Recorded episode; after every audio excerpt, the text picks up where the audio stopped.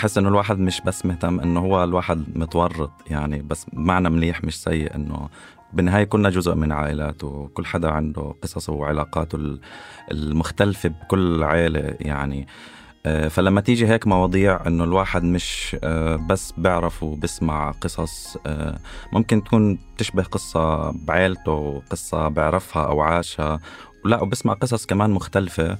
وكمان بفكر إنه جزء كتير مهم هو إنه إنه جزء من إنه أنت بتفكر بعيلتك المستقبلية يعني بشكل أو بآخر يعني. صوت اعطتني الفرصة. أنا كنت صحفية راديو لمدة 12 سنة وانقطعت من قبل ست سنوات تقريبا انقطعت عن عن الصوت عن كوني صحفية صوت. وبودكاست عيب اعطاني الفرصة للعودة صوتيا إلى الجمهور.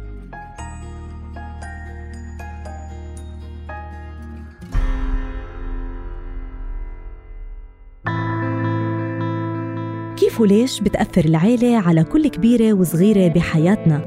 وشو بصير بالناس اللي بتحاول تتحدى وتغير الواقع المفروض عليها ولو شوي؟ تبون تفسخون بيتكم أو تبون تطلق بالمقابل عشان قصص هالموسم عن قوانين وعادات وتقاليد متجذرة ومش سهل تتغير بيوم وليلة. إحنا ما عندنا بنات بيت ما راح أكسب أحترام. أنا تالا حلاوة من فريق صوت. في الموسم التاسع من عيب اشتغلنا مع منتجي ومنتجات بودكاست من جنسيات عربية متعددة وحملنا لكم حكايات رح تسمعوها بصوت رواة القصة أنفسهم من البحرين والسعودية ومصر والأردن والإمارات وفلسطين وعمان واليمن وسوريا.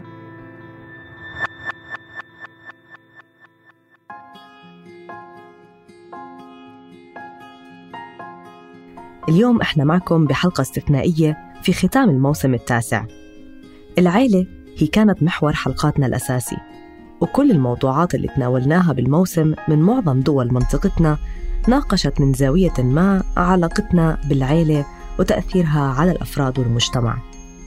كنا فريق إنتاج مش صغير أبداً ومتنوع كتير كمان متنوع بخلفياته الثقافية والاجتماعية ومعتقداته الشخصية بس اللي جمعنا كلنا إنه موافقين إنه لازم نحكي عن العيلة أكثر عن القوانين والعادات والتقاليد والأعراف عن الأشياء الإيجابية والسلبية.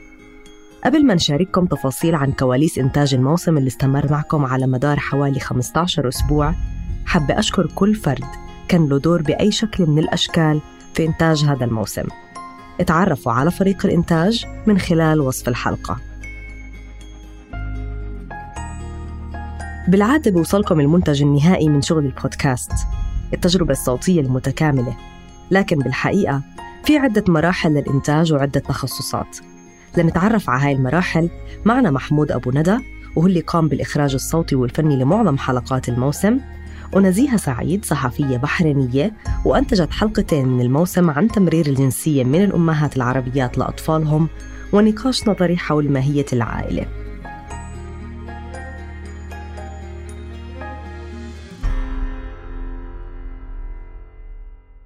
نبدأ معك نزيهة وسؤالي الأول عن علاقتك ببودكاست عيب وإمتى أول مرة سمعتي عنه؟ أه قبل عدة سنوات أه سمعت عن عيب أه عن طريق أصدقاء شاركوا حلقات لعيب على مواقع التواصل الاجتماعي الخاصة فيهم ومن خلالها تعرفت على بعض الحلقات أو بعض المواضيع اللي تتناولها حلقات عيب وأيضا التقيت في تالا العيسى في أحد الاجتماعات اللي عرفت عن نفسها أن هي تشتغل مع بودكاست عيب.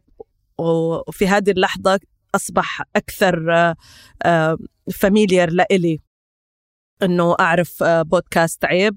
و آه، الاستماع له أكثر من مرة آه، اكتشفت أو حسيت بهذا الارتباط بيني وبين البودكاست لأنه آه، أنا شغلي كصحفية بحب أطرق الموضوعات الغير مطروقة في المجتمع أو اللي يخاف المجتمع أنه يتكلم عنها آه، ونحب نخبيها ونعتبرها تابو.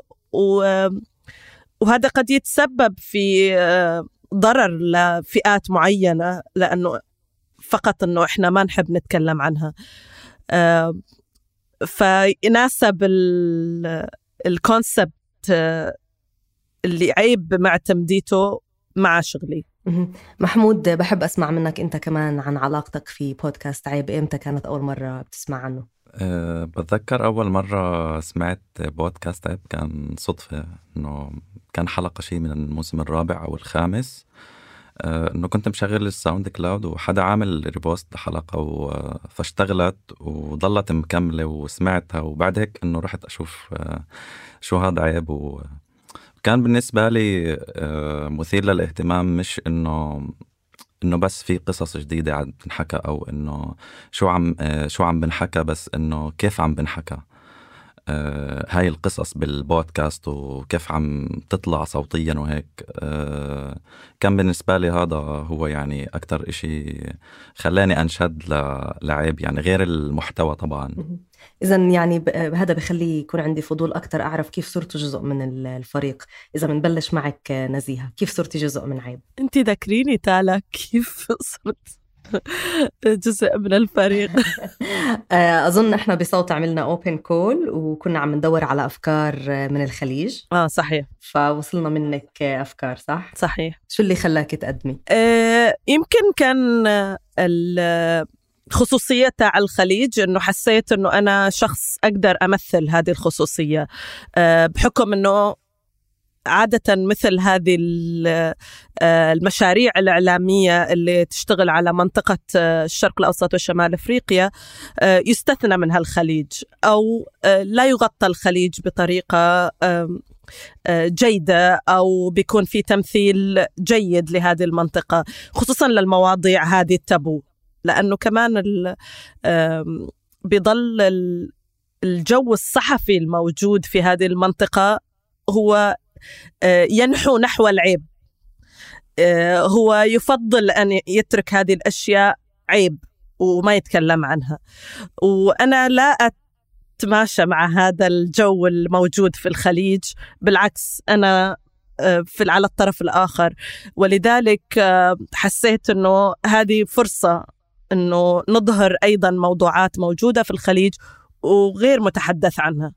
وانت محمود كيف صرت جزء من فريق آه، عيب وقديش كنت متحمس كمان إنك تكون جزء من الفريق؟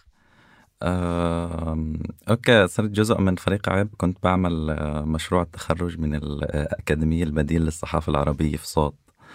فكان عندي شهرين هيك تدريب. فكان في مهام. فأول حلقة اشتغلت عليها هي حلقة من عيب. كانت آه، من الموسم السابع. هي حلقة آه، مش لاقي حالي. آه، وهيك بلشت بعدها اشتغلت على باقي حلقات الموسم. بعد شهر صرت طبعا صرت أشتغل بصوت صرت جزء من فريق صوت. فرجعت برضه اشتغلت على الموسم الثامن والتاسع والحلقات اللي بينهم يعني. أه يعني إنه لما كنت بسمع عيب ولا مرة توقعت إنه أوكي ممكن أكون أنا جزء من من عيب يعني. بالمناسبة أنا كمان يعني تعرفت على عيب بالصدفة. مش متذكرة بالضبط كيف شفت حلقة حدا عاملها share على ال social media وسمعتها وبعدين سمعت كل الحلقات ورا بعض. وضلتني يعني من المستمعين المخلصين لعيب عن جد بالآخر هيك القدر صار إني توظفت في صوت وصرت مسؤولة عن البرنامج. آه، فعن جد مرات هيك الواحد مثير للاهتمام كيف الأشياء بتخلص أو وين بتبلش وين بتنتهي. آه، تعرفنا عليكم و بس يعني كمان عشان المستمعات والمستمعين يعرفوا أكثر جمهور عيب إنه آه، تحديدا بالموسم التاسع كان عندنا منتجين ومنتجات من كتير دول عربية وبلهجات كتير مختلفة وحكينا عن قصص كلها بتخص العيلة وتحديدا آه، نزيهة ومحمود يعني كنتوا من أوائل الناس اللي بلشوا بإنتاج هذا الموسم. فحابة أعرف منك نزيهة تحديدا لو بدنا نحكي عن الثيم اللي اخترناه للموسم التاسع والحديث عن العيلة تحديدا آه، لأي مدى مهم نضلنا نحكي عن هاي المواضيع؟ حتى لو اعتقدنا بلحظة ما إنه خلص بكفي حكينا عن هاي القصص كتير آه، بس لا لسه في حاجة إنه نرجع نتطرق لهاي المواضيع. عشان نكون بس آه، صريحين مع حالنا آه، لما بدأنا نتكلم عن عن الثيم أو عن آه، فكرة الموسم اللي هي العائلة أنا شخصيا ما اعتقدت إنه حتطلع كل هذه الأفكار أو ما ما اعتقدت إنه هو ممكن يكون موضوع شيق بهذه الطريقة. يعني بعدين مع النقاشات ومع طرح المزيد من الأفكار وأتذكر حتى واحدة من الحلقات طلعت من من سؤال أنا طرحته في أحد الاجتماعات إنه شو ما هي العيلة يعني؟ عشان بس في الأخير إحنا نحن قاعدين نتكلم عن كونسبت هو موجود بس ممكن إن إحنا نفكك هذا الكونسبت أو هذه الفكرة اللي كأنه آه، لا نقاش فيها ومقدسة ولا يمكن أن تخرج عن سياق معين. ومنها طلعت حلقة لأنه لا ليش ليش العيلة هي فقط شيء مقدس؟ أو هي بس اعتقاد أنه العيلة تعطيك بس الأشياء الجيدة. بينما إحنا في الأخير نتاج كل هذه الأشياء اللي ممكن تكون أيضا سيئة اللي يعني نتاج من العيلة اللي بطريقة سيئة. ف لا كان كان يعني النقاش أو البحث عن الأفكار حول المواضيع اللي لها علاقة بالعائلة اللي لها علاقة بالعلاقه مع مع الزوج مع الأم مع الأب مع التربية مع ذكريات الطفولة مع عدد الأبناء وغيرها من الحلقات اللي كانت جدا شيقة. يعني أنا استمتعت شخصيا بالاستماع إلى الزملاء حلقاتهم اللي أعدوها آه، من من بلدان مختلفة مثل ما ذكرتين. فهذه الموضوعات يعني بكثر ما إحنا اعتقدنا انه هي متطرق لها أو آه، مغطاة آه، اكتشفنا انها لا يعني لا تزال هناك مساحة لتغطية آه، موضوعات داخل موضوعات مثل العيلة اللي إحنا يوميا نعيشها بدون ما نلتفت إلى هذه التفاصيل اليومية.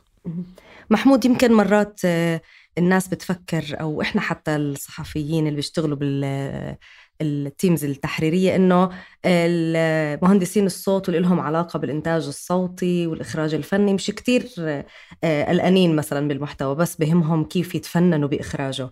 آه، قديش بالنسبة لك هذا الإشي قريب أو بعيد عنك؟ وقديش أنت فعلا تتعلق بال آه، بالمحتوى اللي عم تخرجه فنيا؟ خلينا أحكي إنه يعني على موضوع عيب يعني الموسم التاسع تحديدا.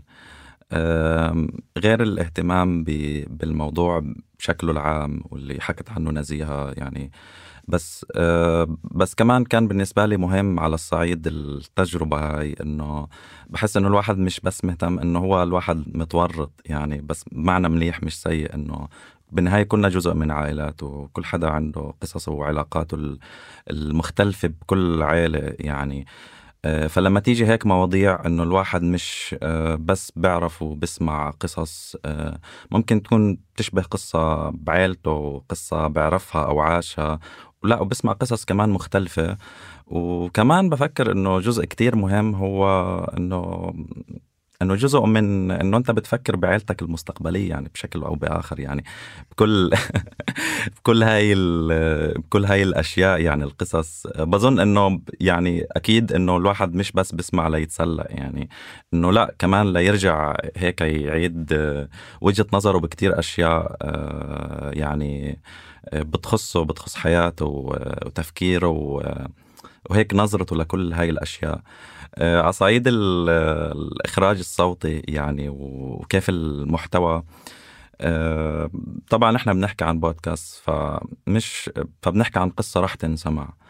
وبالتالي كتير بكون هممني إنه كيف الإشي المكتوب هذا يأخذ أبعاد تانية بالصوت ويصل. آه، إنه إنه أوكي ممكن يصل بنواحي أخرى بس إنه بحس إنه بعيب إيش كتير إشي مميز إنه مش عم بس عم تنحكى القصص بجانبها العام. إنه لا بتنحكى بجانبها العام بجانبها الشخصي و... و... واللي هو كمان محتاج إنه يظهر كمان آه، بالإخراج الصوتي. آه، لأنه يعني خلينا أحكي مثلا إنه مش كل الحلقات بتكون خفيفة من ناحية آه، مستواها لا إنه في قصص صعبة في تجارب قاسية آه، مش سهل إنه الضيوف يشاركوها أصلا ومش سهل إنه آه، تصل للحدا اللي عم بسمع. ف وفي قصص فيها كتير توتر في قصص فيها معاناة وإنه توصل هاي المشاعر للمستمع. ويكون جزء من هذا التوتر هو مش سهل يعني برضه. بس أنا بحس إنه لا يعني محتاجين نوصل هذا التوتر للحدا اللي بيسمع آه، لأنه بتخاف إنه كمان أنت عم تبتذل القصة. آه، من ناحية قصة الحدا اللي قرر إنه يشاركها. آه، أو إنه أنت بتصل لمرحلة إنه أنت عم تبتز مشاعر الحدا اللي عم بسمع. فلا بدك تكون كتير مرتبط بالمحتوى وفاهم بالضبط و... ويكون عندك برضه مساحة منه كمان نقدية يعني حتى آه، مش دايما إنه حيعجبك أو مش دايما كذا بس حتى لما تكون متأثر مش لازم برضه تتأثر كتير آه، تنسى نفسك يعني إنه لا بدك تحافظ على آه، على هاي المساحة.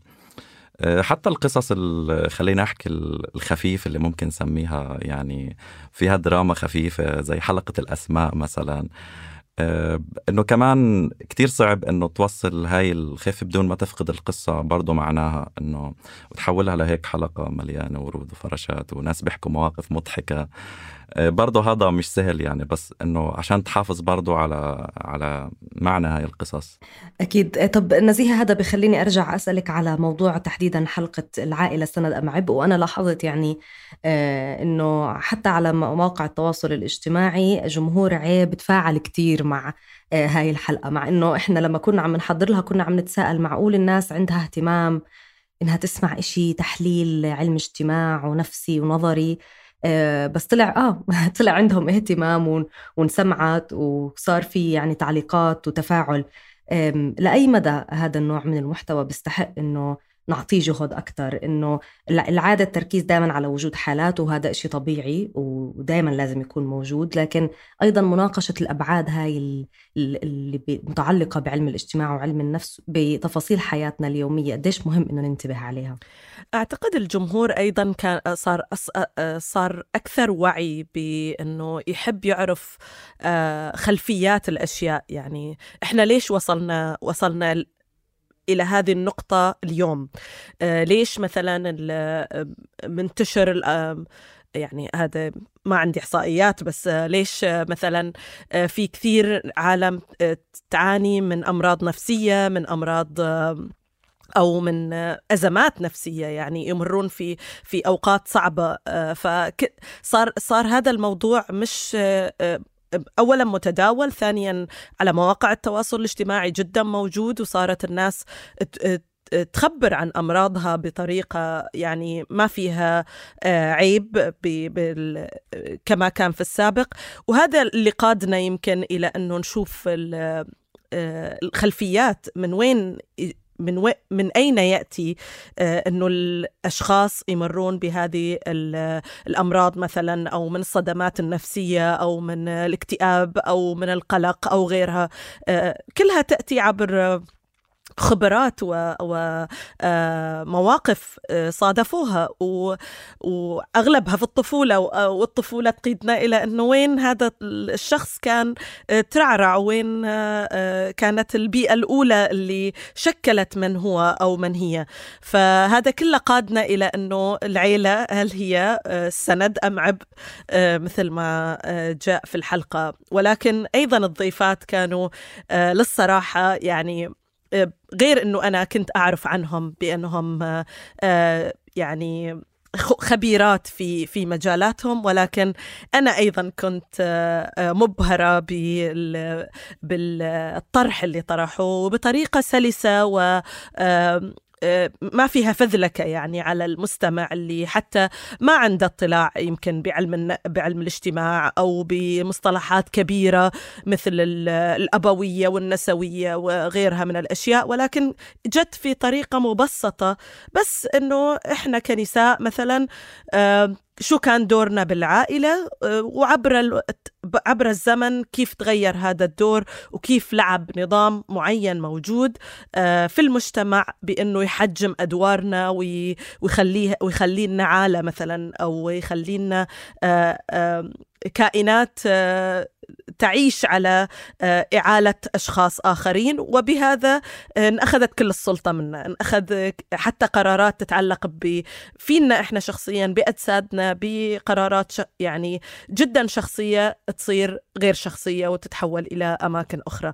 فالشرح كان كثير مبسط وسلس وأيضا الضيفات يعني لم يدخروا حتى آه، خبراتهم الشخصية وعلاقاتهم مع عائلاتهم في أن يطرحوها خلال الحلقة. وهذا اللي خلاها أعتقد آه، سلسة للجميع. ومثل ما قلنا هذا موضوع الآن مطروح أنه إحنا ليش وصلنا اليوم لهذا النقطة؟ خصوصا مع ضغوطات كثيرة مختلفة قاعدة تضغط علينا في الحياة.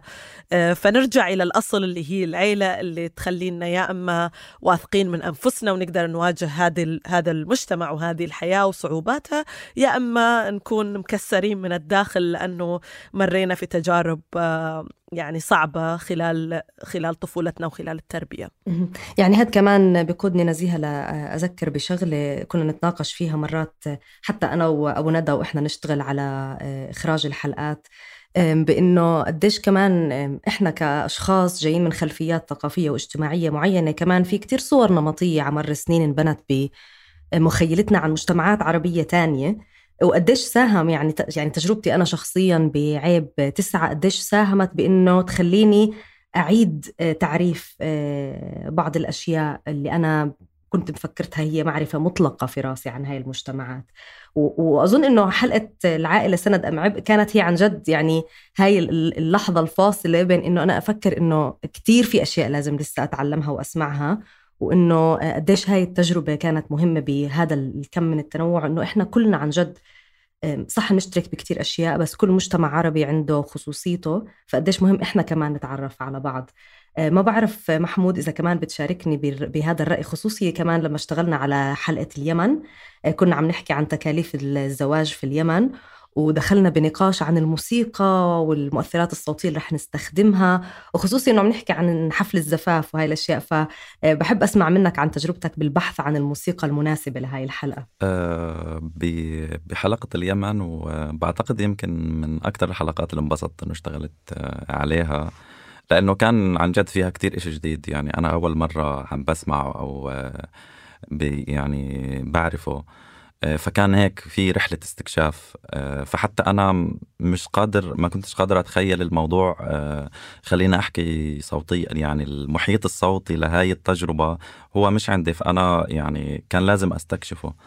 فلما قرأت أول مرة السكريبت إنه رحت على طول عم بفتش على أفراح حفلات زفاف وأشياء يعني منا يعني خلينا أحكي طقوس أنا أول مرة بعرف إنه هي موجودة آه، إنه أسمعها وأسمع كيف عم تتغنى أو كيف عم تنعمل وكذا آه، لحتى أقدر إنه أبني المش يعني المشاهد الصوتية اللي محتاجين نحط فيها سواء آه، موسيقى أو أو جزء من أغاني الأعراس أو حتى أشياء من الأرشيف يعني بس إنه متاحة على اليوتيوب أو إنه الناس مشاركينها يعني بشكل عام. فكان يعني كان بالنسبة لي مهم كتير إنه أسمع كتير أشياء عشان أقدر إنه أصل إنه شو الإشي المناسب بس ما أحس إنه أنا حط إشي مقحم أو إشي مش في محله أو يكون هيك دخيل على الموضوع أو مش مناسب. آه، نزيهة لو بدنا نحكي على حلقة دون هوية يعني كانت فيها حمل عاطفي كتير كبير كنا عم نحكي فيها عن آه، تمرير الجنسية من الأمهات العربيات لأولادهم والقوانين اللي في الدول العربية اللي بتمنع إنه الأم تعطي جنسيتها آه، لأولادها. آه، كان في حمل عاطفي كتير كبير بهاي الحلقة كان آه، في حزن بادي على صوت الضيفات وشاركونا أمور كتير شخصية. طبعا إحنا بالنهاية المنتج بوصل المنتج النهائي للجمهور بس في أشياء بتصير بالكواليس مرات ما بصح لنا نشاركها معهم. هاي الحلقة تحديداً. إيش أكتر إشي مميز صار معك فيها هيك بتتذكري تجربة إنسانية مع الضيفات؟ شوفي تالا هذا الموضوع هو من المواضيع اللي جدا أنا يعني قريبة إلي شخصيا وأيضا أتكلم يعني طرحته في الصحافة عبر شغلي أكثر من مرة. ولكن يعني لازم أقول أنه كل مرة أكيد فيها في لها شيء مميز أو آه، دايما تلمس القلب ولكن هذه المرة بحكم إنه أنا موجودة في برلين وهذه أو الضيفات يعني واحدة منهم كانت في البحرين وكنت في الاستوديو معاها أتواصل يعني عبر الأثير وشاركت تفاصيل تفاصيل جدا دقيقة من حياتها اليومية مع أطفالها مع أبنائها وكيف آه، المعاناة اليومية اللي انتهت بأنه هي بكت أغلب أغلب التسجيل. يعني كانت تبكي أغلب التسجيل وكانت كان في في صوتها شيء من اليأس وشيء من الذل وهذا كان كثير مؤذي يعني لشخص لشخصي أنا اللي موجود آه، بعيد آه، آلاف الأميال بعيد عنها وما أقدر حتى يعني بوجهي أو بتعابير نف... آه، وجهي أف... آه، أتضامن معاها أو آه، أقولها إنه أنا يعني أفهم انت شو شو بتمري أو أنا معك أو وإحنا أكيد عبر هذه الحلقة إحنا يعني سعينا هو تغيير هذا الواقع وليس فقط طرحه يعني هذا هذا دورنا كأعلام ليس فقط طرح القضايا ولكن أيضا السعي لتغيير هذه هذه المآسي اللي تمر فيها هذه السيدات أو هذه العائلات. فهذا كان آه، جدا صعب وحتى اللي كان يسجل في الاستوديو آه، كثير آه، تعاطف وتضامن وبنهاية التسجيل كان يعني كنا ثلاثتنا مش عارفين مش عارفين وش نقول لبعض يعني إنه هو بلش يخفف عليها لأنه هو موجود معاها في الاستوديو فصار يقول لها إن شاء الله يتغير الوضع وإن شاء الله تقدرين تمررين جنسيتش لأطفالش وغيرها وإن شاء الله قريب العاجل وأنا أسمعهم ومش قادرة أكون معاهم يعني في في نفس هذا التضامن اللي اللي كان في لحظتها ولكن تكلمت أكيد مع السيدة بعدين. أكيد. يعني محمود هذا كمان بخليني أسألك آه، لما بنحكي عن حلقة فيها هالقد آه، مشاعر آه، إنسانية صادقة والضيفة أو الضيف بكل انفتاح وبكل حب بيشاركونا مشاعرهم وتفاصيل حياتهم دائما ندخل بهذا النقاش. لأي مدى صوتيا إحنا بنكون بدنا نشارك هاي اللحظات الخاصة مع المستمعين ولأي مدى مرات بنحس إنه آه، لأ كافي لهون آه، خلي الأمور الشخصية شوي هيك محافظة على خصوصيتها حتى إنه نساعد الجمهور يفهم الفكرة مثلا لكن بدون ما إحنا نكون عم نزعج الضيف أو عم نخترق خصوصيته. وين بتحس هون في يعني دائما هامش لهذا النقاش؟ أه بحس إنه هو يعني ما في شيء في يعني فيش فيش معيار واحد. يعني بظن إنه بكل حلقة كنا عم نعمل نرجع نعيد النقاش من أول جديد إنه بدنا نشارك هذا الإشي ولا لا.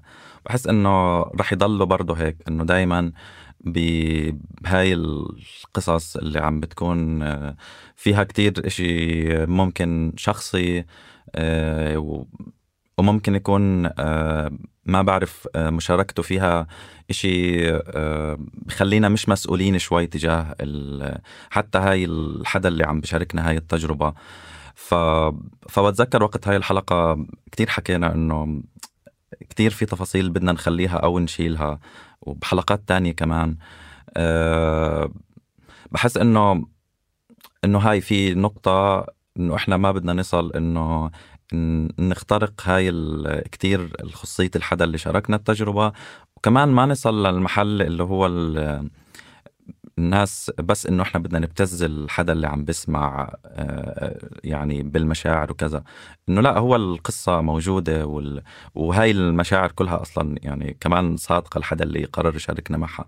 فمش محتاجين إنه إحنا نخليها دراما أكثر يعني على أساس إنه الحدا يتأثر أو إنه مش هذا الهدف يعني أو مش هذا اللي اللي بده بدنا بدنا نوصله أو بدنا نحكيه.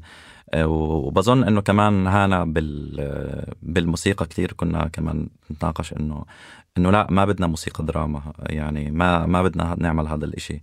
آه، بدنا نخلي القصة هي اللي اللي عم تحكي والموسيقى عم بتساعد وبتوصل بس إنه عم تعطي شعور تاني أو بعد تاني للقصة. أكيد يعني عم نحكي عن كتير تحديات ونقاشات وهيك مستويات عدة من النقاش خلال مرحلة الإنتاج. آه، وصلتنا شوية أسئلة على بودكاست عيب على حسابنا على إنستغرام وواحدة من الأسئلة اللي وصلتنا آه، نزيهة كانت عم تسأل إنه هل بنختار الضيف أول بعدين بنقرر موضوع الحلقة أو بالعكس آه، هلا أنا عندي آه، وجهة نظر في هذا الموضوع بس بحب أسمع منك تحديدا بتجربتك بالموسم التاسع كيف كنت تقرري شكل حلقتك بالتعاون مع فريق العمل؟ الفكرة أولا وبعدين الضيوف بس يعني أنا ما بطرح فكرة وأنا ما بعرف ناس في هذا القطاع.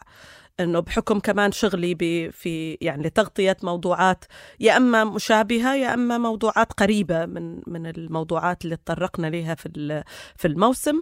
آه، عندي شبكة معارفي أو شبكة الكونتاكتس اللي ممكن أوصل لهم أعرف إنه في أشخاص أنا ممكن أوصل لهم ويمكن من تجربتنا تالا إنه أيضا في حلقات يعني هذا ما وراء الكواليس اللي ما قدرنا نطبقها لأنه الأشخاص اللي يعني آه، ويمكن هذه الحلقة بشكل خاص اللي آه، اللي الآن أنا قاعدة أتكلم عنها إنه اختر اخترنا الموضوع على أساس الضيف إنه كان في حدث صاير آه، يعني ماخذ آه، حيز من من نقاشات الناس في منطقة آه، الخليج خلينا نقول. ولما قررنا إنه نجيب هذا الشخص عشان يتكلم عن الأشياء اللي اللي مر فيها يعني لم ننجح خلينا نقول حتى الآن في أنه نعمل هذه الحلقة لأنه بنينا الفكرة آه، على ضيف معين آه، وهذا الضيف ما كان متجاوب بطريقة آه،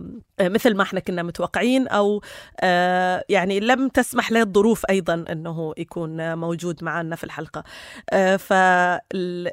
يعني بقية الحلقات بنيت على فكرة ومن ثم جاءت جاءوا الضيوف الملائمين. أكيد في بعض الأحيان أيضا هناك ضيوف يعتذرون في ضيوف آه، ظروفهم لا تسمح آه، لتقنيات التسجيل أنه يروحوا على استوديو أو في البيت يسجلوا أو غيرها من هذه يعني الظروف اللي ممكن تواجهنا. آه، ولكن الفكرة أتت أولا وأيضا يعني حتى بناء الأفكار وبناء آه، النقاش آه، كله جاء قبل آه، ما اخترنا الضيوف. بعضهم أكيد الضيوف حسب قوتهم يغيرون مسار الحديث يغيرون مسار النقاش مثل ما صار في حلقة عبء أو سند.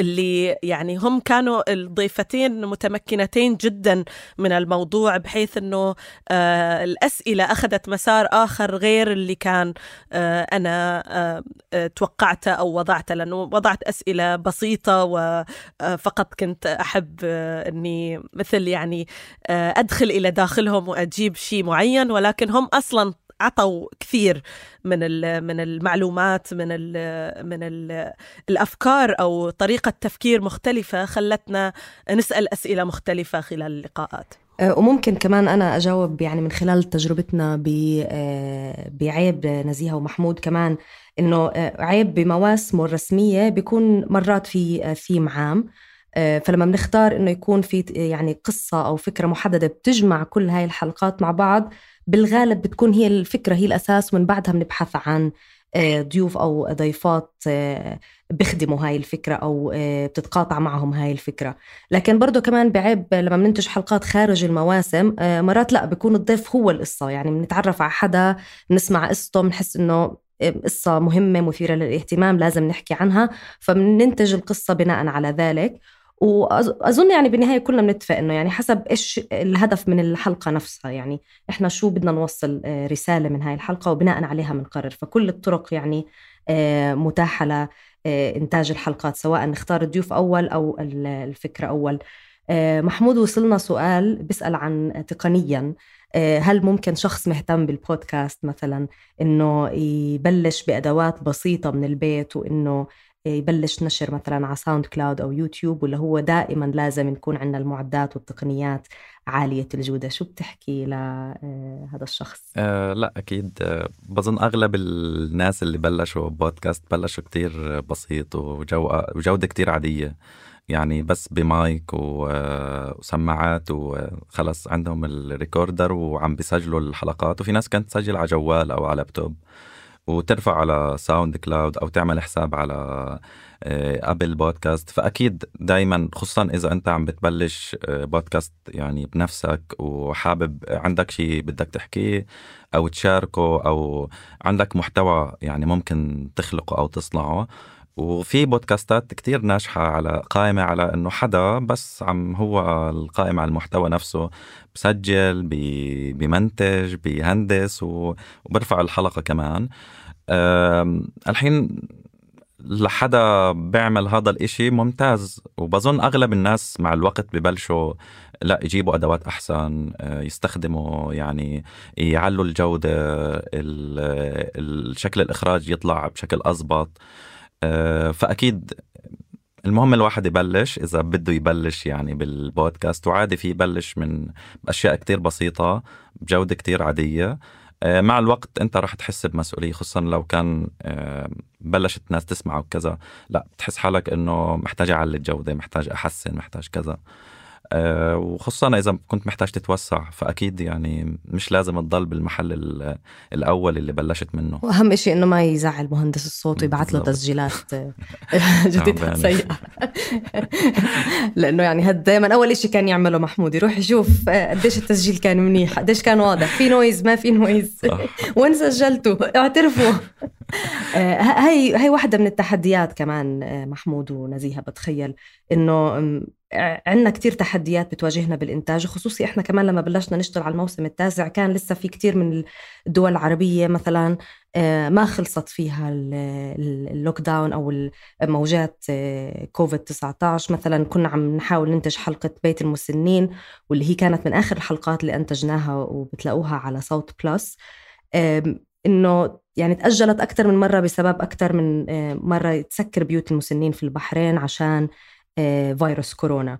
آه، مثلا فقدنا الاتصال فترة آه، مع زميلنا عبد الله صلاح في اليمن لأنه انقطع الإنترنت في اليمن بسبب الظروف السياسية هناك. فدائما بتواجه المنتجين والعاملين في هذا القطاع تحديات. نزيهة هل في قصة معينة بتحبي تشاركيها معنا بهذا السياق؟ أنا بحب أتكلم أكثر عن عن نفسي ومرتبط أيضا باللي قاله محمود قبل شوي اللي هو إنه صوت عطتني الفرصة آه، أنا كنت أنا كنت صحفية راديو لمدة 12 سنة وانقطعت قبل من قبل ست سنوات تقريبا انقطعت عن عن الصوت عن عن كوني صحفية صوت وبودكاست عيب عطاني الفرصة للعودة صوتيا إلى الجمهور إنه يعني أنا ضليت أكتب وضليت أمارس عملي الصحفي آه، كتابة وأيضا حتى تلفزيونيا ولكن آه، بودكاست عيب عيب اعطاني الفرصة العودة إلى إلى صوتيا. وهذه اعترافا أيضا هاي المرة الأولى اللي أسجل فيها في استوديو اسجل فيها أنا كنت مراسلة إذاعية آه، اذا أنا أسجل من البيت آه، بالميكروفون اللي كان عندي اللي بعدين يتدخل آه، مهندس صوت عشان يعدله ويمنتجه وغيره ويطلعه على على الإذاعة. فهذه المرة الأولى اللي يكون فيها أنا في وسط استوديو ونسجل ب يعني بتقنيات عالية الجودة جدا. ما أتذكر إنه صادفتنا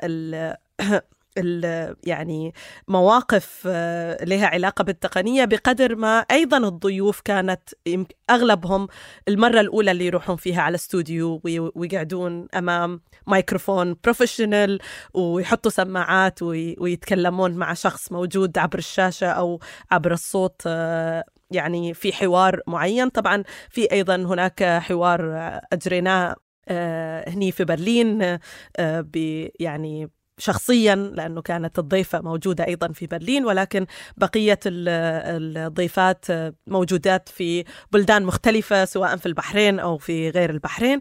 آه، واستطعنا عبر يعني رغم وجودنا هي أيضا التقنية أعطتنا هذه الفرصة رغم وجودنا في أماكن مختلفة من هذا العالم إلا أن كلنا استطعنا أن إحنا ننتج حلقات طلعت للجمهور بطريقة جدا احترافية وجدا يعني يمكن الجمهور حتى ما يتخيل تخيل كيف تسجلت هذه الحلقات في أربع بلدان مختلفة وبعدين تجمعت لتطلع يعني على ال... وتكون موجودة للاستماع لها على الإنترنت.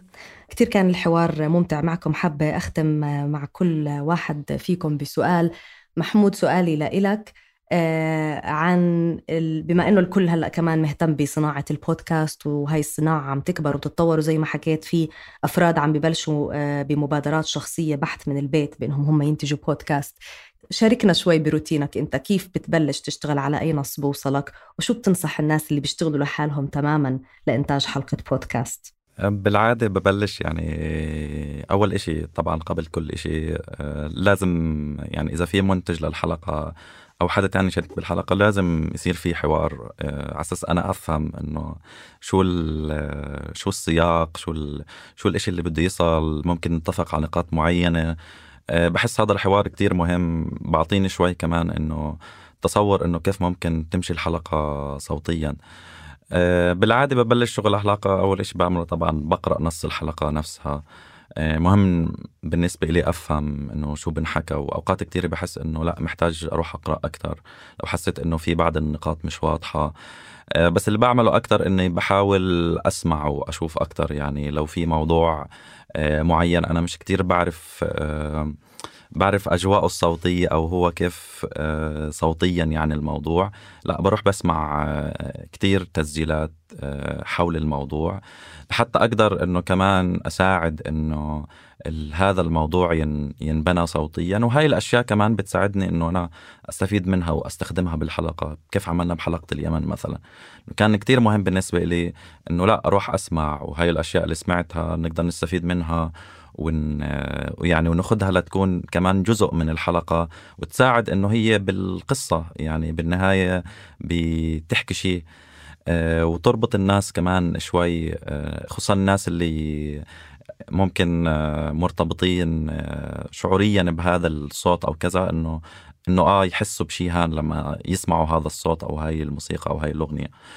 آه كمان آه بعد القراءة هاي طبعا آه ببلش بالتسجيلات بحاول إنه آه بس قبل إنه يعني بالقراءة الأولى بحاول إنه أدور على نقاط في السكريبت آه، أو بالحلقة يعني إنه ممكن تكون مهمة آه، سواء يعني لحظات أنا بحس إنه أوكي محتاج إنه أركز فيها آه، أشياء محتاج إنه لا أدير بالي وأنا عم بحط فيها موسيقى أو ما بحط فيها موسيقى أو إنه كيف ممكن نقف عندها أو ما نقف عندها.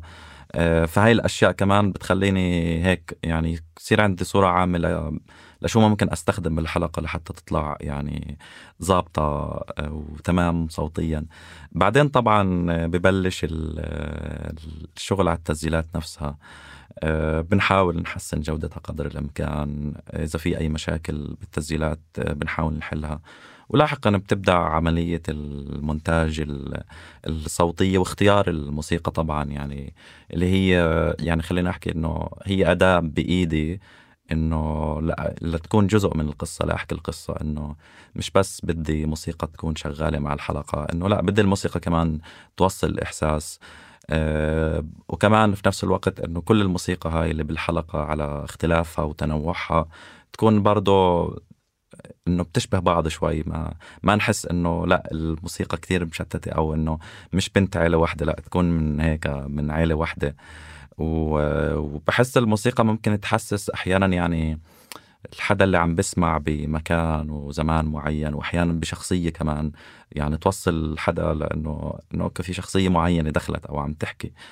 آه، و ومش شرط آه، وهذا شيء صار كتير بعيب إنه حاولنا نتجنب إنه الموسيقى تكون عم توصف المشهد حرفيا خصوصا بال... سواء بمشاهد كتير مفرحة أو مشاهد كتير حزينة. إنه لا ما بدنا نحط آه، بالمشاهد الحزينة موسيقى حزينة وما بدنا نحط بالمشاهد مفرحة كتير مفرحة. إنه لا بدنا موسيقى تعطي بعد آخر من المشاعر يعني إنه تعطي كمان معنى لل... للزيادة بال... بالقصة وبالمشهد اللي عم بنحكى. وبظن واحدة من الأشياء اللي انعملت بهذا الموسم بعيب كانت غايبة على الأقل بالموسمين اللي اشتغلت عليهم قبل هو إنه قررنا إنه بدنا موسيقى شرقية شرقية يعني بال بهذا الموسم إنه تقريبا بكل حلقة كنا بنختم بموسيقى شرقية بس مش الموسيقى الشرقية اللي فيها نفس استشراقي أو عرفاها هذه الموسيقى أو إنه الموسيقى الحزينة كتير بس عود تقاسيم إشي هيك. إنه لا فيها روح فيها إحساس حلوة بتعطي كمان هوية للمواضيع اللي إحنا بنحكي عنها. وبحس إنه كل هاي يعني بالنهايه كل هذا الإشي كله بالنهاية بيرجع برضه إنه قبل وبعد بكون في حوار أه مفتوح. أه كمان بتذكر بينه وبين كتير كنا بنحكي بكل إشي يعني من الإلقاء للموسيقى للتفاصيل الصغيرة الأشياء اللي بدنا نحذفها الأشياء اللي ما بدنا نحذفها لكيف بدنا نبلش الحلقة. ف... فبحس إنه هذا كمان كتير بيساعد إنه الحلقة تطلع ممتازة مش بس على صعيد المحتوى يعني لا كمان تطلع ممتازة على صعيد الشكل تبعها لأنه كمان بيساعد إنه هي تصل وتنسمع وناس تسمعها برضه تحب إنه هي تنسمع تسمع هذا الإشي. وأنا يمكن محمود بقدر أضيف هون كمان شغلة إنه قديش إحنا حتى ك يعني كفريق في صوت منفتحين على الآراء يعني ما في عنا التعصب لرأي واحد إنه خلص يا يا أبيض يا أسود إنه لأ يعني هاي صناعة عم تكبر عم تتطور آه، وفيها مجال الإبداع آه، ونشوف الأمور من زوايا مختلفة يعني ممكن هذا الهامش مش كتير متوفر بالإعلام التقليدي اللي بيكون في عنده قوالب معينة لازم نلتزم فيها. فهذا يمكن كمان آه، ساعدنا أكثر قديش إحنا متنوعين وكل حدا فينا كان عنده مداخلاته لتطوير العمل الجماعي مع بعض. فكمان أظن هذا كان يعني شخصيا بالنسبة لي هذا هو كان جزء مهم من التجربة. آه، تماما صح صح كثير بتفق. أه وبتذكر إنه أنا كان عندي يعني رأي في بعض الأشياء بس لما سمعت الآراء الثانية لا إنه غيرت رأيي إنه إنه لا في في شيء ثاني ممكن يكون. وبالضبط إنه فيش شكل محدد اليوم للبو يعني آه في الشكل محدد لكيف البودكاست ممكن يكون أو الحلقة كيف ممكن تمشي صوتيا.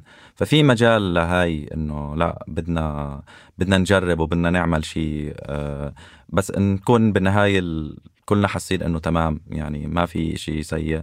نزيهة بدي أختم معك يعني بسؤال يمكن يمكن يبين شوي كليشيه بس بدي أسألك عن نصيحتك لهدول الناس المهتمين. يعني أنت عندك خبرة آه، بالصحافة بمختلف أنواعها ومؤخرا آه، عندك البودكاست الخاص تاعك وكمان اشتغلتي معنا في صوت. فشو نصيحتك للناس المهتمين يخوضوا هاي التجربة؟ من ناحية صحفية تحديدا خلينا نقول. أنا مع السنوات بدأت تقريبا آه، أؤمن بأن الصحافة هي يعني هي ملكة إنه الشخص يا أما هو صحفي يا أما هو مش صحفي لأنه هي مش وظيفة يعني. أنت تروح على الوظيفة وتكمل ثمان ساعات وترجع. هي أما تلفت انتباهك الأخبار وال والموضوعات اللي تصير قدامك كل يوم يا أما ما تلفت انتباهك أو أنت ما تشوف إنه ممكن تطلع منها مادة صحفية. آه، ف ك يعني إذا الأشخاص قادرين على أنهم يشوفون الموضوعات بطرق مختلفة غير عن كيف هي تطرح بطريقة يومية. يعني الطقس كل يوم إحنا كل يوم الصبح إحنا يعني أنا أتكلم عن نفسي بحكم إني أعيش في في بلد متقلب الجو دائما إنه لازم أشوف الصبح قديش يعني أو الحرارة اليوم قديش أو شو الطقس اليوم عشان أعرف شو ألبس أعرف كيف أخطط يومي. ف هل هذا يتغير تغير عبر الوقت؟ هل هذا ممكن أطلع منه أنا آه، بتقرير؟ هل الناس كلها تعمل مثل ما أنا أعمل إنه يقرروا يومهم يقرروا آه، آه، يعني أنا اكتشفت حتى مؤخرا بتكلم مع شخص يشتغل في قطاع التموين أو قطاع المطاعم بأنه هم كثير يهمهم اليوم اللي تطلع فيه الشمس لأنه هذا اليوم يجيهم كثير ناس لأنه الناس بدها تطلع وبدها تروح وتاكل وتشرب برا ف بيكون يعني هو بيقول إنه آه بكرة الشمس حيكون عندنا ضغط بالمطعم فهذه الأفكار إنه كيف يلقطها الصحفي ويخلق منها مادة صحفية ممكن النقاش فيها ممكن تكون مادة خفيفة مثل. مثل اللي أنا الحين طرحته اللي هو الطقس أو آه لما تطلع الشمس كيف الناس تتأثر حياتهم هون ويغيرون وي... آه يومهم ويقولون لا خلاص حنروح ناكل برا بدل ما ناكل آه بالبيت والى موضوعات مثل الجنسية مثل مثل حقوق المرأة مثل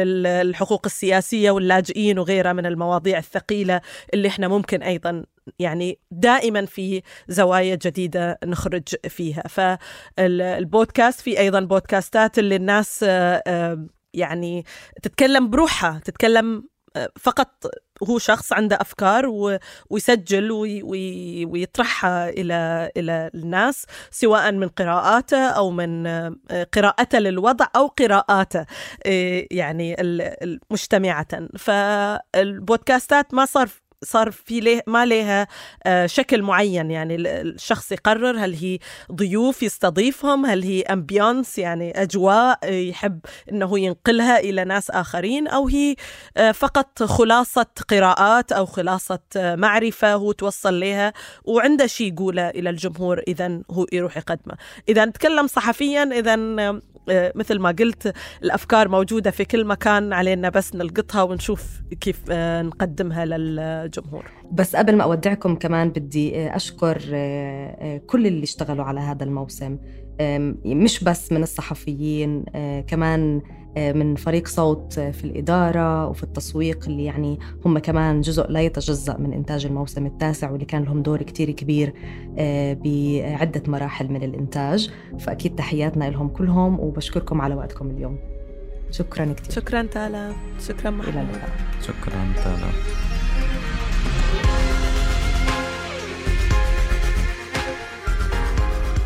شكرا مجددا. منذكركم إنه دائما بنحب نسمع منكم. ما تترددوا تتركوا لنا تعليقاتكم على صفحاتنا على مواقع التواصل الاجتماعي. وقبل ما أودعكم بدعوكم للاشتراك بصوت Plus على Apple Podcasts لتسمعوا حلقات تانية من الموسم التاسع. بدون إعلانات وبسعر فنجان قهوة بس. اشتركوا عبر رابط صوت Plus على Apple Podcasts في وصف الحلقة. إلى اللقاء.